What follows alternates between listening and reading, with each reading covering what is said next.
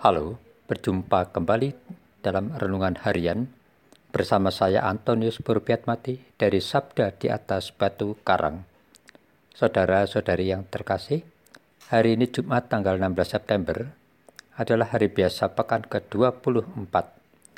Hari ini gereja memperingati Santo Cornelius, seorang paus dan martir.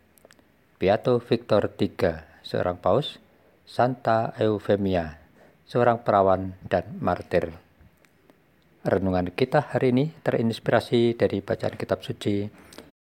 Bacaan pertama diambil dari surat pertama Rasul Paulus kepada jemaat di Korintus pasal 15 ayat 12 sampai dengan 20 dan bacaan Injil suci dari Injil Lukas pasal 8 ayat 1 sampai dengan 3. Mari kita siapkan hati kita untuk mendengarkan sabda Tuhan yang akan dibacakan oleh Saudari Monica Rosa dari Paroki Kristus Raja Katedral Keuskupan Tanjung Karang.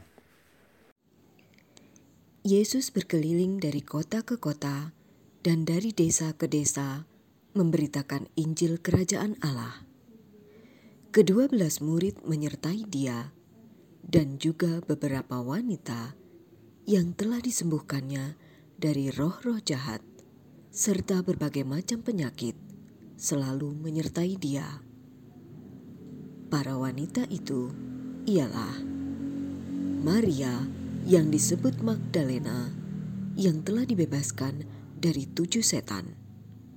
Yohana istri Kuza, bendahara Herodes, Susana, dan masih banyak lagi yang lain. Wanita-wanita itu melayani seluruh rombongan dengan harta kekayaan mereka. Demikianlah sabda Tuhan. Terpujilah Kristus. Saudara-saudari yang terkasih, di saat kita sakit atau bermasalah berat, sering berdoa dan umbar janji kepada Tuhan bahwa jika sembuh atau beresnya masalah, nanti bersedia untuk melayani Tuhan, mau ikut kegiatan di lingkungan dan sebagainya. Namun, bagaimana kenyataannya?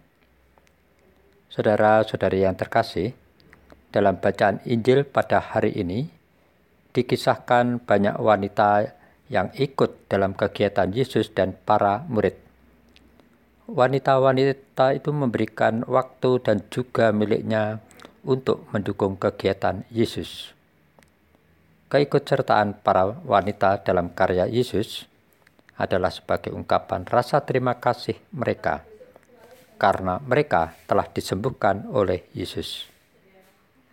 Saudara-saudari yang terkasih, semoga sabda Tuhan hari ini membuat kita senantiasa tergerak hati untuk memberikan persembahan diri guna mendukung karya-karya warisan Yesus dan para muridnya dengan tulus dan sukacita.